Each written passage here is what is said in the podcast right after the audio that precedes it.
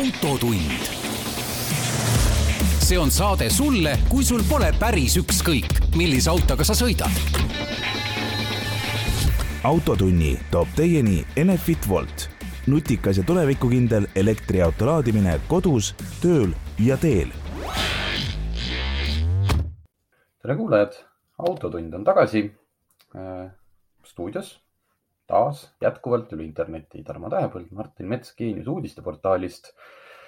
ja räägime, kuigi me selle saate võib-olla selline, kui me midagi siin fookuseks saame nimetada, siis vahelduseks üks proovisõit, mis on võib-olla keskmisest mitte, mitte kõigile nii väga kättesaadav, küll aga huvitav, et kaks Mercedese luksus elektriautot.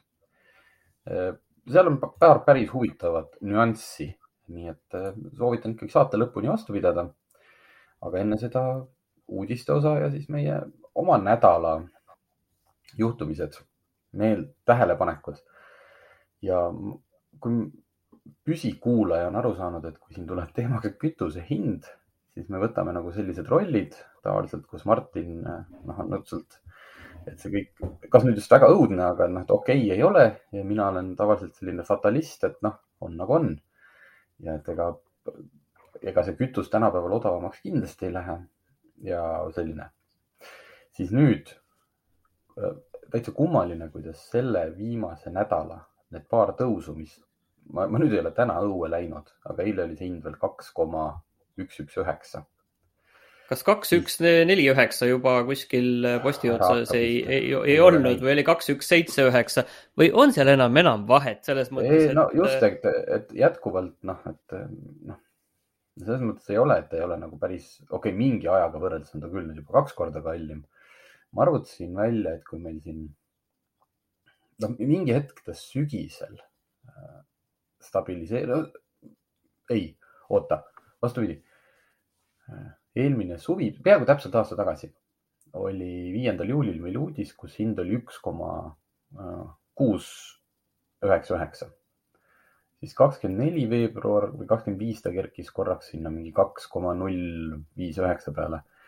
aga, aga kui me võtame nüüd selle aasta taguse hetke, siis sellega võrreldes on selline keskmine paagitäis, mis on kuuskümmend liitrit, kallimaks läinud nelikümmend eurot.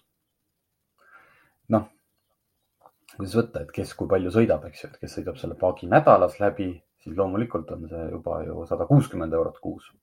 noh, mina saan keskmiselt, ma arvan, üks pooleteist paagiga, suvel läheb palju rohkem. ma arvan, et üks pooleteist, kahe paagiga hakkama, et, et päris karm, aga mille, aga noh, kuidagi nagu see, et mind ühesõnaga seekord lükkab see päris tooli pealt maha, ma olen kohe päris häiritud ja ma olen võtnud teadlikult ette selle, et ma jätan noh, kohe nagu jõuga mingid sõidud tegemata, jättes endale siis mulje, et iga liid, noh, et, et ma nagu tasakaalustan selle hinna nüüd enda jaoks ära, et ma noh, tõesti sõidan mingi sada kilti kuus vähem ja siis ma olen võib-olla siis noh, tagasi mingites ilusa aja hindades. no hästi-hästi arvutuslikult. aga loll on nagu see, et mis praegult, et äh, ei saa, noh, ma ei saa aru, miks see tõuseb. ma ei saa aru, miks see tõuseb sellepärast et loed neid Alan Vahti igasugust äh, Facebooki postitusi, noh, tema maalib seal, et äh, pole hullu midagi, tõuseb veelgi. jah, vot see on äh, tegelikult hea point, et äh, ei ole hullu midagi, et tegelikult äh, meid on siin alates sellest Ukraina sõja algusest äh, ikkagi, ikkagi väga hästi ette valmistatud, et, et kiidan Eesti Õliühingu PR-tööd et äh, meil on kõigil hea meel, et tegelikult, et äh, kütuse hind on ainult äh, kaks koma üks midagi, mitte ei ole kolm koma null, selles mõttes hea töö, et inimesed on rõõmsad, lihtsalt mingil juhul, mingil hetkel on see, kus tuleb see valupunkt, et kui sa hakkad nüüd tõsiselt mõtlema, et, et mida nende sõitudega teha, et ma saan aru jah, et sinul jõudis see peale kahe koma ühe juures, et minul jõudis natuke varem aga rohkem nagu põhimõtte pärast. Eh, ja, ja noh, mul võib-olla lihtsalt see et vaata, mul on mingeid kohustuslikke sõite natukene rohkem, sul on rohkem sellist, eh, et tore on sõita. vist, võib-olla eksin ka, aga, aga. täiesti õigus, täiesti on täiesti õigus, et nüüd ongi mingid sellised lõbusõidud, ma tõenäoliselt eh, kohe nagu tühistan ära, et ma ei lähe lihtsalt kuskil neljakümne kilomeetri kaugusel sõbrale viima mingit asja, noh, mille ma võiks viia talle ka kuskil nädal hiljem, kui me saame nagunii kokku, eks ju. et mul ei olnud mm -hmm. mõni nädal või kuu tagasi mingit probleemi teha üks niisugune sutsakas puhtast sõidurõõmust. nüüd on mm. -hmm et, et kokkuvõttes nagu ongi selline veits selline skisofreeniline olukord, et, et maailmaturul on ka hind kõrge, aga, aga nagu ikka, et maailmaturul hind jõuab uue kõrguseni, siis, siis jõuab see hinnatõus ka sekund hiljem Eestis tanklas posti otsa. kui maailmaturul hind langeb, siis noh, selline tunne, et ega nagu see hinnalangus ja posti otsa nagu ei jõuagi oota, siin on jällegi, ma ei, noh, mingi, ma arvan, et see Alan Vaht, noh, selles mõttes ta avab seda maailma ikkagi päris hästi. otsige tema blogi ülesse, et noh, kui palju seal on sellist lobitööd, kui palju on ausat selgitamist. Et, et ikkagi tema see väide on see, et noh, bensiini ehk siis selle valmiskütuse, mida sa paaki paned ja nafta, et noh, need ei ole, toornafta, et need ei ole nagu üks-ühele võrreldavad. aga ma saan aru. ma saan aru, jah. ja las, las see siin praegu teab, siis minul tekitab küsimust ja mitte ainult äh, kütuse, vaid kõikide muude asjadega, kasvõi lennundus ehk see, mis toimub lennujaamades praegult, kui algab puhkushooaeg, kus, et, et kuidas me kaks aastat tagasi, kui veel ei olnud koroonat, et kogu maailm oli varustatud, oli varustatud kütustega, oli varustatud turvatöötajatega, oli äh,, okei okay,, kiipidest ma saan aru, seal oli ikkagi selgelt mingid tehased seisid ja noh, see on nagu selline asi. aga et nüüd ühtäkki nagu kuskil, noh, üheski riigis, okei okay,, Hiinas aeg-ajalt pannakse mõni linn jälle kinni, aga suures plaanis meil koroona on läbi, eks ju. meil ei ole niimoodi, et mingi kütusetehas seisab sellepärast, et on koroona. Ühtäkki me ei suuda maailma enam ära varustada et praegune kütuse hinna tõus siin räägitakse, on sellepärast, et nüüd hakkab puhkuste hooaeg, kõik ameeriklased on avastanud, neil on paagid tühjad ja nüüd nad, et nagu, kus, kus kütus kadus? noh, eriti kui me võtame hästi, kui me hästi küüniliselt võtame, et äh, ühes neljakümne miljoni inimesega riigis hetkel lõbusõite või selliseid ei tee üldse mitte keegi. noh, et, äh, et sealt võiks ju noh, kõvasti ikkagi kütust üle jääda. mul on üks tuttav Ukrainas, kes äh, no mitte otseselt sõjakoldes, aga samamoodi, et ega kuhugi minna ei saa, sest sa, sa elad nagu mingi aastal tuhat üheksasada üheksakümmend, et sa saad kahekümne liitri kaupa kuskilt, kui sul õnnestub, kui sa kuuled, et kuskil on, eks ju.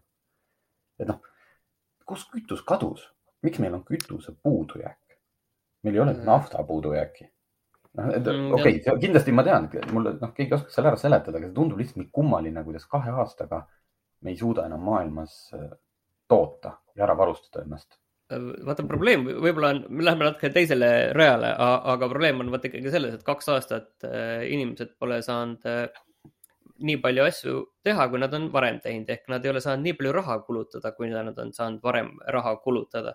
ja, ja nüüd, kui on võimalik reisima minna, siis äh, siis tehakse seda julgelt, et sellest on kõik see, miks lennujaamad on täiesti umbes, see ei ole ainult see, et eh, turvatöötajaid on puudu, see tähendab, see on sellepärast, et reisijaid on lihtsalt nii meeletult palju. samamoodi on, on palju on palju neid, kes tahavad autoga minna. jah, ei nagu turvatöötajad koondati ära, kuhu, noh, kuhu nad läksid? et kas nagu, mis neist sai, ega muud asjad ka ju ei toiminud, et nad nüüd istuvad kodus mingite abirahade peal või? et nagu noh. eks nad teevad muud nagu... tööd, on ju okei okay,, aga, aga tuleme nüüd selle kütuse hinna juurde tagasi, et ikkagi. kas räägime aktsiisist?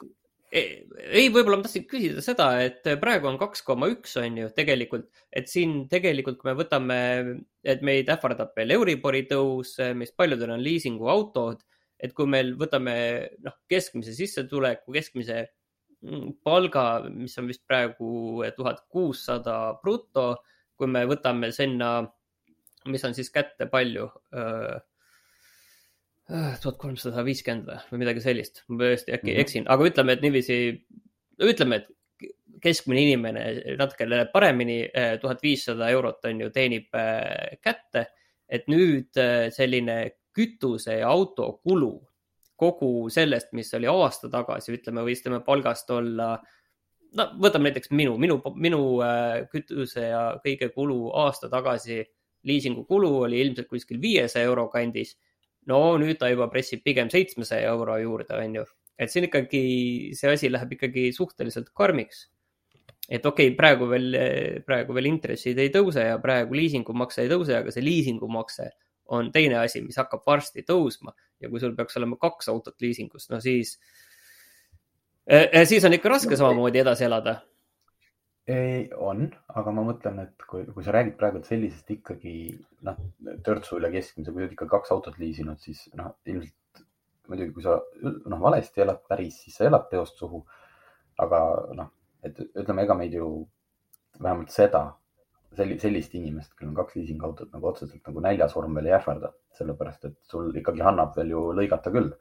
annab lõigata mingi, mitte et sa käiksid iga nädalavahetus spa-puhkusel, aga noh kujuta ette, jätad ühe, ühe mingi spa-puhkuse, ühe restorani külastuse ära ja noh, sa oled seal, sa oled see kakssada eurot juba nagu, nagu me räägime pere, pere mingitest nädalavahetustest, noh, juba ju säästnud.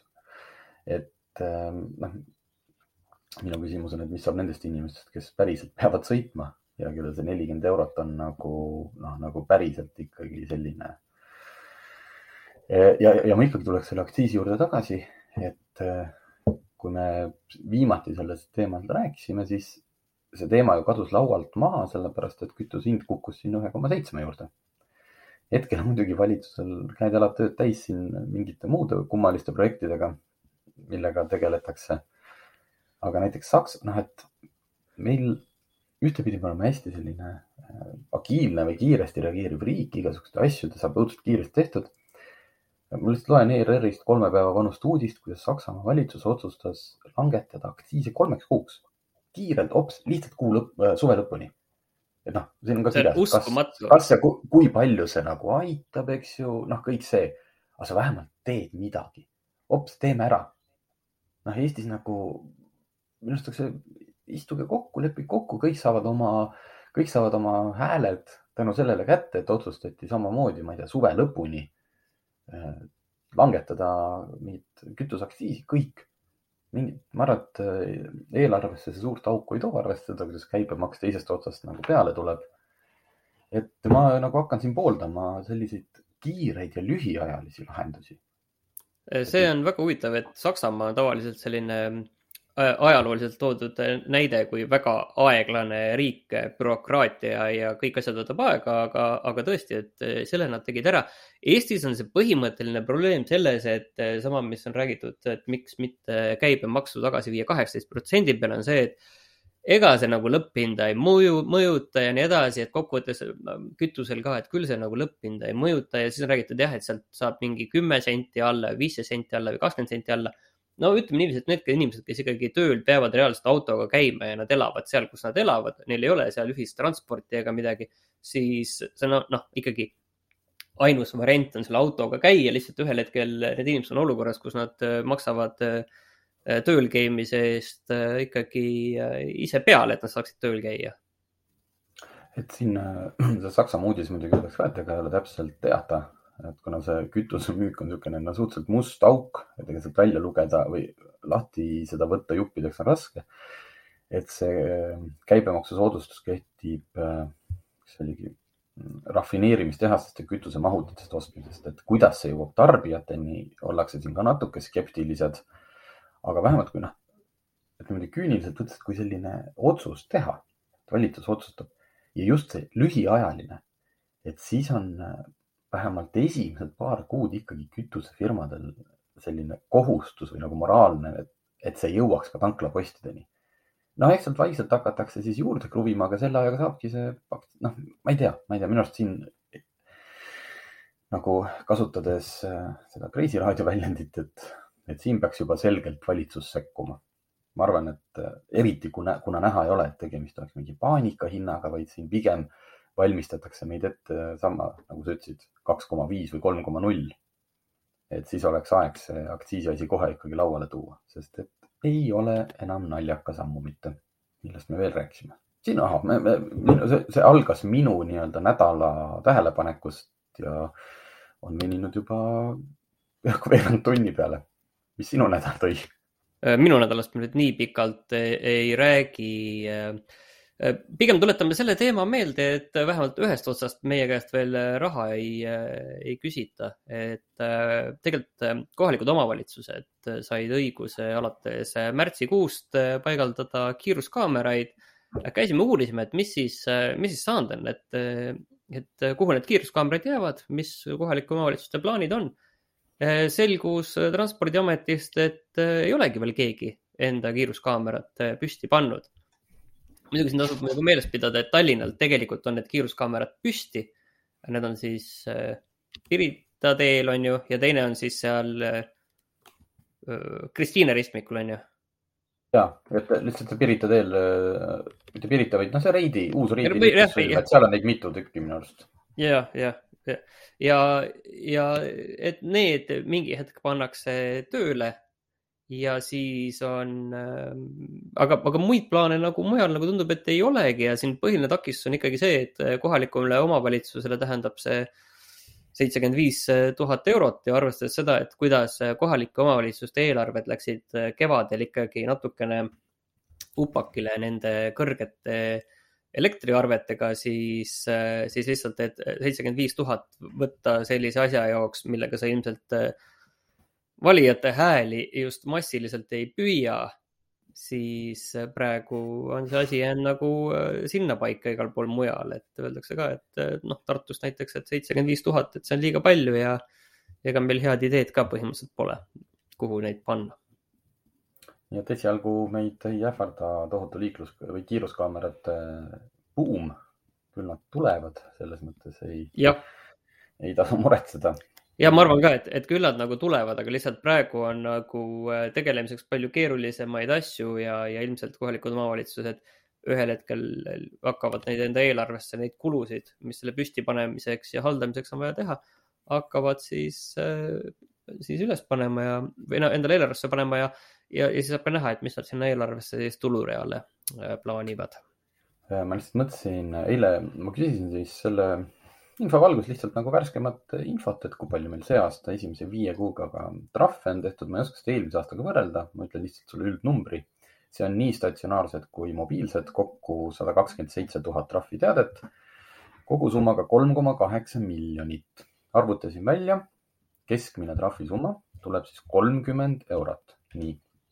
ja on olemas ka kolm jutumärkides siis kõige populaarsemat kohta, kus kõige rohkem saadakse ja kõik nad tegelikult asuvad, kui ma ütlen siis asula sees või võtame näiteks Põltsamaa rist. kõik, kes Tallinn-Tartu maanteed teavad, keset seda risti on see hall post, mitte kast, aga post, mis võtab nagu mitmes suunas. see on viiekümne ala seal on ju? see on viiekümne ala. sellega on eraldi teema, mina sealt hiljuti sõitsin läbi ilusti ja kuna ta asub nagu peale ristmikku, siis ma jõudsin hakata nagu kiirendama.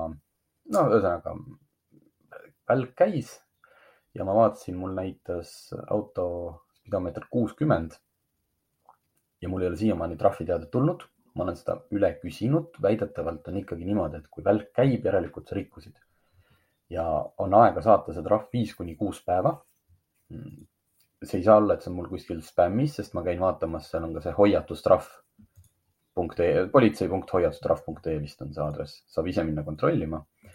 ja no ma ei ole seda saanud, aga okei okay see selleks, et ähm, seal Põltsamaa ristis on viie kuuga tehtud kaks tuhat kaheksasada nelikümmend seitse trahvi. kui ma nüüd korrutan selle, selle keskmise kolmekümnega, siis on see kaheksakümmend viis tuhat eurot. ja kui see läheb nüüd ütleme siis omavalitsuse ja, ja riigi vahel fifty-fifty, siis on see juba ju esimese viie kuuga oleks omavalitsus teeninud nelikümmend kolm tuhat eurot et eh, kui selliseid kohti iga omavalitsus veel leiab, et siis selle seitsmekümne viie tuhandese kaamera teenib tegelikult ühe aastaga tagasi. vastupidi, vastupidi, mulle tundub, et, et kui meil staarkaamera teenib niiviisi, et seal aastaga teenib tagasi, siis meil on ikkagi ka need tagasihoidlikumad kiiruskaamerad, kes sellised staarid ei ole, et. ja, aga see oli, see oli teisel kohal, staarkaamera on Tartust kuus kilomeetrit Tallinna suunas, Tähtvere küla see on Tartu-Tiksoja maantee, aga noh, tava, tavatarbija jaoks on see Tartust Tallinna suunas kolm tuhat seitsesada, kolm tuhat seitsesada trahvi ja seal järgmine on Pärnu-Ikla maanteel Libatse mingi Libaste või Libatse küla, kus on kaks tuhat nelisada, nii et neid üle kahe tuhande on ikkagi, et see noh, küll, küll iga omavalitsus leiab oma sellise koha, kust muidugi iga, kuskil taga Võrumaal sa teenid seda tõenäoliselt kümme aastat tagasi või, või kakskümmend. aga no väga hea, et ei tule, ei ole, ei ole vaja no kütusehinnad on nii suured, et kes siin ikka jaksab üldse sõita, et mis sellest trahvist. ja, ja just ja võtame kohe edasi, et kes siin autotki jaksab enam osta. jah, see, see on, see on väga huvitav. hästi, positiivne saade on meil. jah, aga see on väga huvitav teema, et, et tegelikult Autolehest äh, käidi uurimas, et, et kui palju on äh, võrreldes aastataguse ajaga siis tõusnud uute autode hinnad ja see on tegelikult selles mõttes väga, väga huvitav, et äh, osadel on tõusnud nagu väga palju ja osad nagu ei olegi tõusnud, et huvitav, mida see nagu, nagu ütleb, mul on rohkem tunne nende autode kohta, et kui Hyundai i kakskümmend N, noh, sisuliselt tuhat eurot tõusnud. no ta on väike, ta on äh, ju, võta, vaata ikka protsente, et äh, no, seal. no protsent on neli. kus, kus see lugu siis algas, oli see, et me tegime aasta tagasi, siis kui nagu hakkas sihuke tunne, et noh, koroona hakkab ei, ei löönudki kogu maailma uppi ja autode hinnad, inimesed ostavad autosid nagu hullu. tegime mingi hinnaülevaatuse, et kui palju siis mingid autod nüüd maksavad ja selle pealt oli meil maru hea, kuna me olime ära fikseerinud aastatagused hinnad, vaadata hindu sellel aastal. ja avastasime, see i kakskümmend N on, eks ju, see sportmudel, tõesti tuhat eurot, aga no see on ka nii marginaalne auto müüginumbrite mõttes. küll aga siis vaatasime äh, näiteks Škoda Scala, mis on siis Octaviast grammikene väiksem, oli samuti tõusnud tuhande euro võrra, mis teeb tõusuks kuus protsenti, nagu ütlete, aastaga. Dacia Sandero, ju tuntud äh, säästuauto, on tõusnud ka tuhat eurot, aga kuna ta hind on nii madal niigi, siis on see lausa kümme protsenti äh, tõusu äh, väikse mootoriga Ford, okei okay,, Ford Mustang ei ole vist, äh, ei, ei, ei huvita eriti kedagi. aga Kiia Sportage, millel küll tuli, tõsi, uus mudel, täiesti uus, mitte mudeli uuendus, mis on väga, väga hea, eks ju, seal on palju rohkem tehnoloogiat, autod noh, natukene kogu aeg lähevadki kallimaks. aga hind võrreldes eelmise põlvkonna baasmudeliga on tõusnud kolmteist protsenti et kui kaks tuhat kakskümmend üks maikuus sai Sportage hinnakiri, tähendab, algas üheksateist tuhande euro juurest, siis nüüd algab see kahekümne seitsme tuhande euro juurest. Äh, see ei ole kolmteist protsenti, ma võin sulle peast öelda, et ei, kui üheksateist on äh, see, see hind on tõusnud seitse tuhat eurot, see ei, ei ole kolmteist protsenti, see on pigem nagu kolmkümmend protsenti. no ma pean siin vaatama, siin on tekst ka juures, et võib-olla on võrreldud mingeid äh, erinevaid mudeleid ühesõnaga jah, ja kõige karmim oli, kõige karmim selle juures oli Peugeot viissada kaheksa, mida eelmise aasta maikuus sai kahekümne kahe tuhande kaheksasaja euroga alates. siis nüüd on äh, hind alates kolmkümmend kaks tuhat nelisada. no peaaegu kümme tuhat niiviisi juurde põhimõtteliselt. jah, et, et ma ei oskagi siin midagi, noh, eks see on loogiline, et kõikide hinnad tõusevad, aga et nüüd inimesel lihtsalt auto, kes on autot ostmas, kui tal on lootust teda ka kuskilt kätte saada, siis tasub natukene võib-olla vaadata erinevate väljaannete eelmise aasta neid ja siis, siis saavad teada, et kui palju kallima auto ta seast ostab. no inflatsioon on siin kahekümne protsendi ligi, nii et, et kui, kui, kui hind on tõusnud ainult kümme protsenti, siis sa oled veel vaata kümne protsendiga veel võidus võid niiviisi muidugi mõelda, aga noh, ega see jah.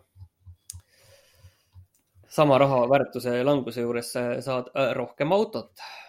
aga muidugi jah, kui me räägime sellest Peugeot viiesaja kaheksast, siis äh, on tegelikult äh, tunne, et ega seda keegi nagu eriti väga ei osta ja, ja võib-olla mõnede hullude jaoks, kes tõesti seda tahavad, võib selle hinna nii kõrgeks lükata, sest ega need müüginumbrid ilmselt väga suured ei ole niikuinii.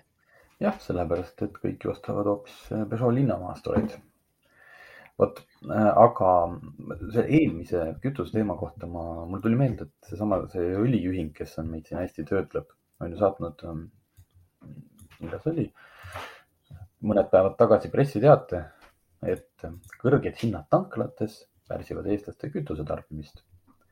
ja maikuu esimese kahe nädala kohta viisid äh, rekordhinnad, see on siis nüüd tegelikult üksteist päeva vana kiri seitse protsenti tavapärasest tarbimisest. okei okay., aga mõtle, kui me nüüd võtame, et see seitse protsenti tulebki minusugust arvelt, siis noh, need inimesed, kes peavad sõitma, nad peavad sõitma. see inimene, kes elab kuskil äh, kauges metsas, noh, ta ei jäta hommikul ju tööle sõitmata, sest kütuse hind on kallis. siis tegelikult on see parim rohepööre, mis üldse olla saab. seitse protsenti mingeid lõbusõite jäeti tegemata. Mõtle, milline CO kahe kokkuhoid ja kõik see, et äh, jällegi pool sellise musta huumoriga, et. Äh, see on väga must huumor, kuule nojah, aga seitse protsenti, kuule aga, aga..., autotootjad võimlevad iga mingi grammi, iga asja pärast, et saada oma neid kulusid alla ja nüüd siis ühtäkki lükkad hinna lakke ja me ei sõidagi enam. mitu tonni CO2 jääb eri, atmosfääri paiskamata. No selle, selle pressiteate mõte siiski oli ka sellist avalikkust ja, ja valitsust masseerida, et ikkagi aktsiisilangetus oleks väga hea idee see tõstaks tarbimist, aga ilmselt kütusemüüjad saaksid marginaali jätta endale samaks või äkki isegi seda vaikselt seal natukene tõsta. sest ega noh, nii palju, kui me kuuleme, siis ju kütusemüüjad üldse napilt tulevad üldse omadega, omadega tulevad. ärme seda, ärme seda ust ava. Aga seoses kütuse asja, kütuse. aga siiski ma, siiski, eh, kuna me alati sellest räägime ja me ei saa ju sellest rääkimata jätta, ma teen ikkagi üleskutse, me oleme vist seda paar korda öelnud, et otsime vilepuhujat, et kui nüüd ikkagi mõni inimene on läinud kuskilt eh, kütusefirmast niimoodi läinud, võib-olla ütleme, mitte, tahab natuke avaldada meile seda, kuidas see hinna kujunemine, kuidas, no seesama, see posti hinna täpselt ühesugune nagu see, et ja kõik see toimib, siis me oleme valmis teiega hea meelega rääkima äh,. enne vaatasin vahepeal tegelikult juhtus üks huvitav asi, et äh, mis on Eesti kütusefirmad, kellel on kõige odavam hind? no need on need äh, siuksed no-name või noh, Crooning ja ime, siuksed kummalised kohad kuskil maakohtades. Äh, ja Jetoil on ju kõige ja. odavamad ketid, ütleme, et jah, et need mingid väiksed üksikud kaksikud kohad, äh, et võivad olla odavamad. Crooning ja Jetoil. nüüd Jetoil ostis ära neliteist Crooningu tanklat. et väga ja sealt tuli tegelikult välja väga huvitav asi, et kõige odavama hinnaga tanklad Crooningu äh, kasumlikkus oli natukene suurem, Jetovelil vist oli natukene väiksem, aga igal juhul mõlemad ettevõtted, mis müüvad Eestis väga odavalt kütust võrreldes teistega, alles siin Crooningul oli üks koma kaheksa veel, kui teised äh, trügisid see kahe euro ligi, siis mõlemad on väga kasumlikud. mul on lihtsalt küsimus, et kas need Crooning ja Etoil, kas need on ettevõtted, mida majandatakse väga-väga hästi või, ja neid teisi suuri kette majandatakse väga-väga halvasti või mis see nagu probleem on, kui see, need, need ketid suudavad, suudavad teenida seda kasumist? Need asukohad, et sa ei pea kuskil põllu peal maksma ilmselt sama, sama kulusid, kus Tallinna linnahalli kõrval. okei okay,, aga ja, selle juures on veel üks kummaline asi, et näiteks Tammsalus Tammsalu tanklas ja neid on Eestis mitu ja on ka näiteks äh, Tallinnas seal äh, Mustamäe teel äh, Porsche esinduse juures on mingid tanklad, kus on kaks tankurit, millest ühest tuleb diislit ja teisest tuleb üheksakümmend kaheksat. ja kui ma nüüd, minu arust ma olen jumala sada protsenti kindel, et Tammsalu tanklas minu arust saab ka osta ainult üheksakümmend kaheksat. ja viimati, kui ma seal tankisin, oli see sama hinnaga, mis üheksakümmend viis igal pool mujal, et see on veel omaette mingi kurioosum. aga, aga ärme vist kütusest praegu rohkem räägi. ühe, ühte asja ma räägiksin, et ma käisin okay., ma, ma, ma käisin Laekveres vahepeal ja, ja vaatasin, et aa, tankla on olemas. Siis ma olin väga, väga pettunud, kui ma sinna jõudsin, selgus, et ja ma olingi mingi, kuna mul oli kiire, siis ma olin kuskil viimase tilga peal ja siis seal ma nägin, aa, jet oil on olemas ja, ja siis oi, seal oli kahjuks tegemist ainult diislipunktiga aga, aga, aga vedas sinna kaugemale välja äh, Simunasse, kus äh, oli ka Jetoili tankla väga hea hinnaga, äh, väga tore. uus tankla mulle väga meeldis. Vot, aga jätame korraks need halvad uudised kõrvale. Äh, üks lühi hea uudis, et täiesti ootamatult stardib selle aasta Le Mani kahekümne nelja tunni sõidul esimene eestlane ehk siis Martin Rump, äh, kes oli oma või selles meeskonnas, kuhu ta kuulub, nii-öelda varunimekirjas oligi teada, et kui keegi millegipärast loobub, siis nende meeskond on üks nendest, kes võib saada. Muidu oli plaanis osaleda alles äh, kaks tuhat kakskümmend kolm. ja ja saigi ja pakutigi nende tiimile kohta ja juunis stardib eestlane Le Manil, mis on tegelikult väga oluline asi, sest me teeme siin alati sellise, noh, suur rahvuslik sport ju, kui keegi eestlane kuskil, kas siis sõidab äh, Dakari rallil, noh, eks ju, Ott Tänak nagunii või kui mõni rattur on Tour de France'il, kogu aeg jälgitakse, siis noh, automaailmas tegelikult Le Mani sõidust palju kuulsamat ei ole. muidugi on vormel üks, on WRC, aga need on nagu, see on sari, eks ju Äh, seal vormelis on vist kakskümmend kaks etappi aastas. Äh, Le Mans kuulub ka muidugi sarja, aga see ikkagi on olemas, see üks kuulus sõit. ja see on väga vana, väga noh, selline populaarne ja nüüd on meil oma, oma mees seal. näiseks me kindlasti kavatseme seda kajastada, sest meil on oma Sulev Ladva, kes on korduvalt Le Manil käinud, vaadanud, teab sellest väga palju. nii et me saame seda, sealt natukene rohkem infot ja ma isikliku sellise mm, poosetamisena mainin siia ära, et ma käisin paar nädalat tagasi Audrus ringrajal ühe seltskonnaga. käisin oma selle halli vana Alfaga, mille ma ühe korra seal Audru ringrajal ka mootori puruks sõitsin.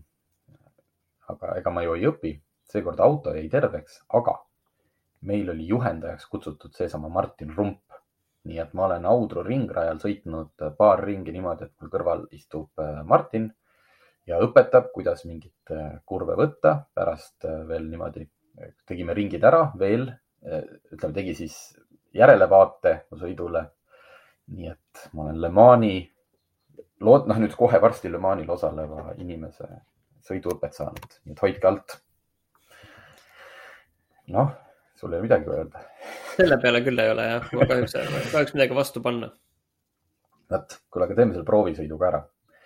seega ma proovin, sellest on natuke raske rääkida, sest et mul on isiklik vastumeelsus autodele, mis ei kasuta normaalseid nimesid.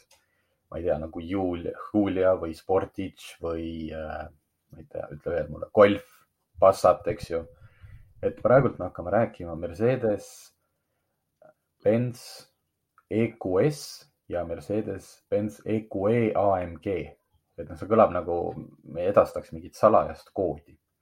aga sisuliselt me räägime siis Mercedese kahest äh, luksusklassi autost, mis on nüüd Eestis lõpuks elektrilisena kohal. ja see EQS-i saabumine venis nii kaua, seda näidati juba esimest korda Eestis nii-öelda seal salongis vist oli äkki novembris et samal ajal jõudis kohale ka EQE ehk siis natuke väiksem versioon, mis tegelikult noh, lõpuks mängis hästi välja, sest me saime need kaks võtta korraga testi. ja kuigi need autod ei ole saanud äh, puhtalt siis visuaali pealt eriti kiita, sest nad on ühed parajad lutsukivid, jällegi kuulaja, kes istub kuskil arvuti taga või telefonis, EQS või EQE esimese asjana ütlengi, et mingit vahet ei ole, guugeldage, kumba tahate, sellepärast et ka väga vilunud silm eemalt vaadates ei tee neil kahel autol vahet. EQE on äh, mõnikümmend sentimeetrit lühem, aga nende kuju, nende tulede kuju, kõik see on nagu väga-väga sarnane. Äh, äh, ühesõnaga, läksin siis võrdlemisi suure negatiivse või no olin juba välismaa arvustusi lugenud äh, sellega peale ja see on alati väga tore, sellepärast lihtsalt saad ju alati pigem positiivselt üllatuda. EQE äh, e oli siis selle AMG versioonis, mis tähendab, et väga-väga äh, kiire. aga, aga seda on elektriautod alati, nii et esimese asjana ma ütlekski, et see AMG elektriauto puhul nagu tundub niisugune noh, ma nagu pigem isegi sellise auto fanaatikuna, pigem ei oska sellele mõtet näha, sellepärast et ka tavalised elektriautod kiirendavad seal nelja sekundi ligi, et ka, ka, ka sellest EQE-st on selliseid versioone, et, et no muidugi kurvides istub ja sa saad sõita kiiremini ja kõik see, aga mulle noh, AMG juurde on nagu alati käinud ikkagi see mootori müdin ja noh, kõik see, mis käib nagu kiire sõidu juurde aga mõlemal on, on versioonid, mis sõidavad ka üle kuuesaja kilomeetri ühe laadimisega. ja kui nüüd siin midagi selle EQS-i ehk siis selle suurema puhul välja tuua, on see, et see S seal lõpus on natukene petlik. see jätab nagu mulje, et tegemist oleks otseselt elektrilise S-klassiga. aga tegelikult ei ole. loomulikult on ta väga, väga luksuslik, kõik on väga hästi. Aga, aga miks ta ei ole S-klass, vaid pigem äh, CLS, näed jälle, ma pean siin Mersu mingeid täheühendeid. noh, kes saab aru, saab aru. kui meil oli eelmisel aastal testis Mercedes S500, see on pikema kerega versioon, tuli just uus ühesõnaga Mersu S-klass bensiinimootoriga, S500. koos noh, väga hea varustusega maksis see auto sada kaheksakümmend tuhat eurot. siis nüüd EQS viissada kaheksakümmend, mis on üks tippmudelitest, sealt edasi on veel ainult AMG, maksis koos varustusega, mida peal oli väga palju, oli olemas kõik see hüperscreen, oli olemas tagarataste pööramine. see demoauto maksis sada seitsekümmend üks tuhat eurot ehk siis kümme tuhat eurot vähem, kusjuures tegemist oli suure sõiduulatusega elektriautoga.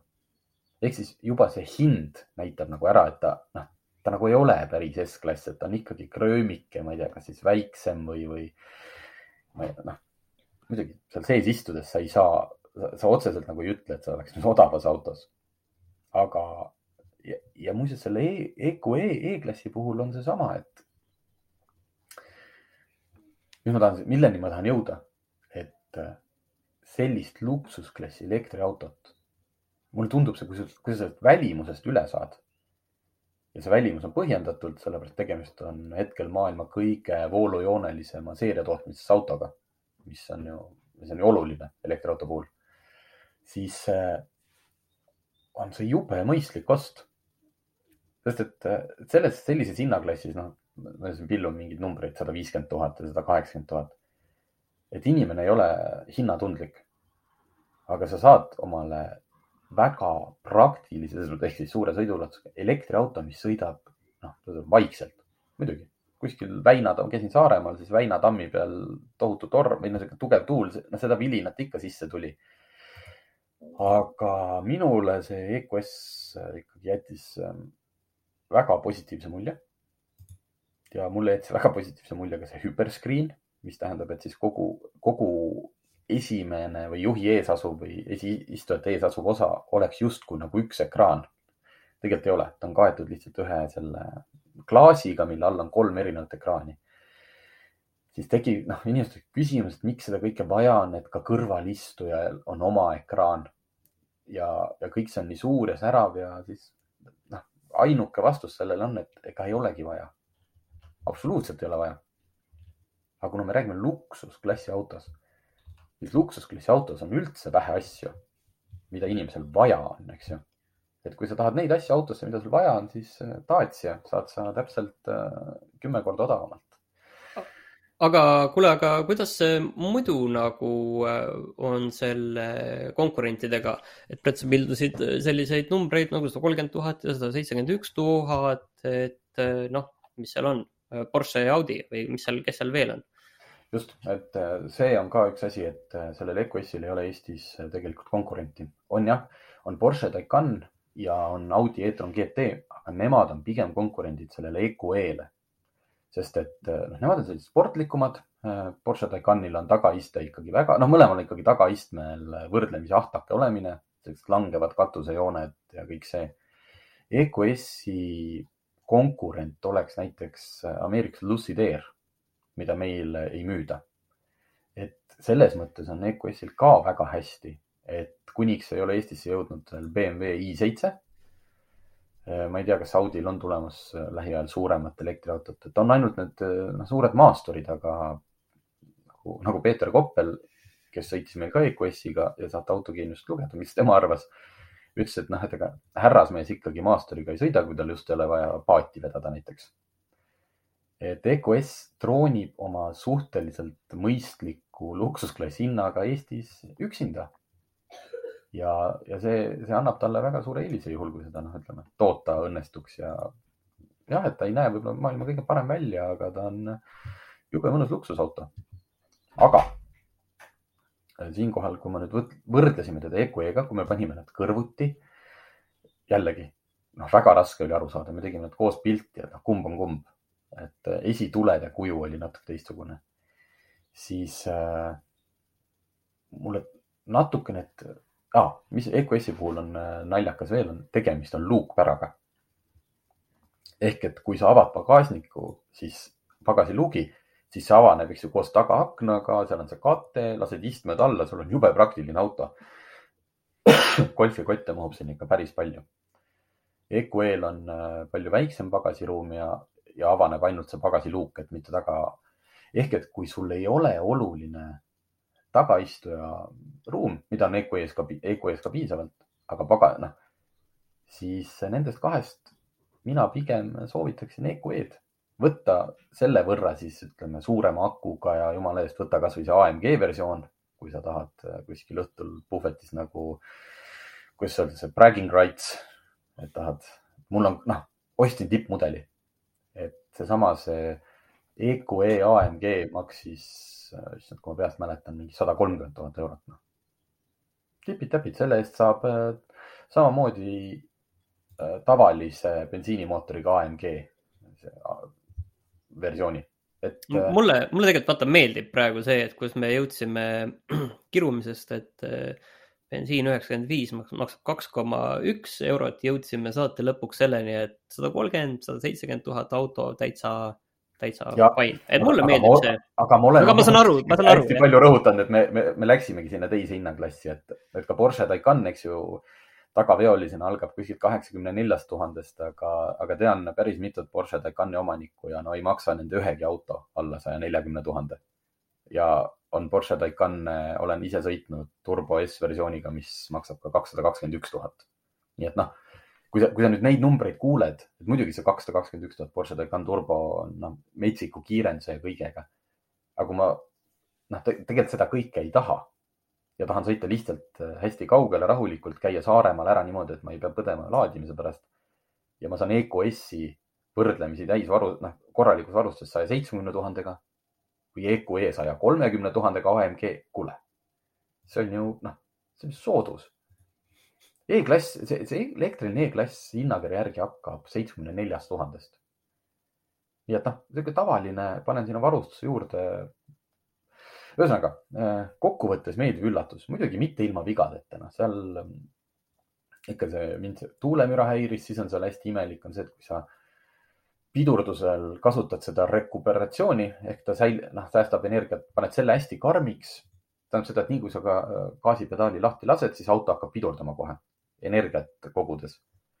aga kui sa, otsustad, et ma pidurdan ise veel natukene lisaks, et noh, mul on enne foori vaja seisma jääda kiiremini siis see rekuperatsiooni käigus on piduripedaal hakanud ennast ise vajutama, mis tähendab seda, et see pedaal ei asu enam seal, kus su lihasmälu arvab, et ta võiks olla. Ja see on alguses natuke nagu ehmatav. et noh, muidugi, kui sa iga päev sellega sõidad, siis, siis harjud sellega ära. noh, see suur ekraan juhi ees jääb natukene roolivarju, et eh, mingeid selliseid pisiasju oli ja see EQS vanalinna Munakivi teedel ka mingi imelik hääl tekkis tagaustesse. aga noh, saad aru suures plaanis äh, ähm, ma soovitan ikkagi, kes, kes on nagu kahelnud, et võiks või minge, minge proovige, äh, täitsa kihvt ja muidugi tagarataste pööramine täiesti sürnuktes, see ratas on kümme kraadi välja keeratud. Äh, see noh, manööverdamisel täpselt nagu sa oleksid driftinud kõnnide kivisse ja nüüd on sul ratas viltu all. ja sa pöörad selle luksusklassi EQS-iga koha peal paremini ringi kui paljude selliste ma ei tea, Škoda Octaviate või Alfa Romeo Giuliatega. see on väga naljakas. Vot, aga ma arvan, et me oleme siin, lõpetasime võib-olla natuke positiivsemates toonides, et äh, lähme nüüd oma igapäevaste toimetuste juurde. või on sul veel midagi lisada? ei, tahan igapäevaselt toimetada ja lähen kohe, hakkan autoga sõitma Tallinna, mis maksab nelikümmend eurot. just ja vaata siis tanklates, kas on ka juba kaks koma kaks ees. olgu, kuulame jälle autotunni toob teieni Enefit Volt, nutikas ja tulevikukindel elektriauto laadimine kodus, tööl ja teel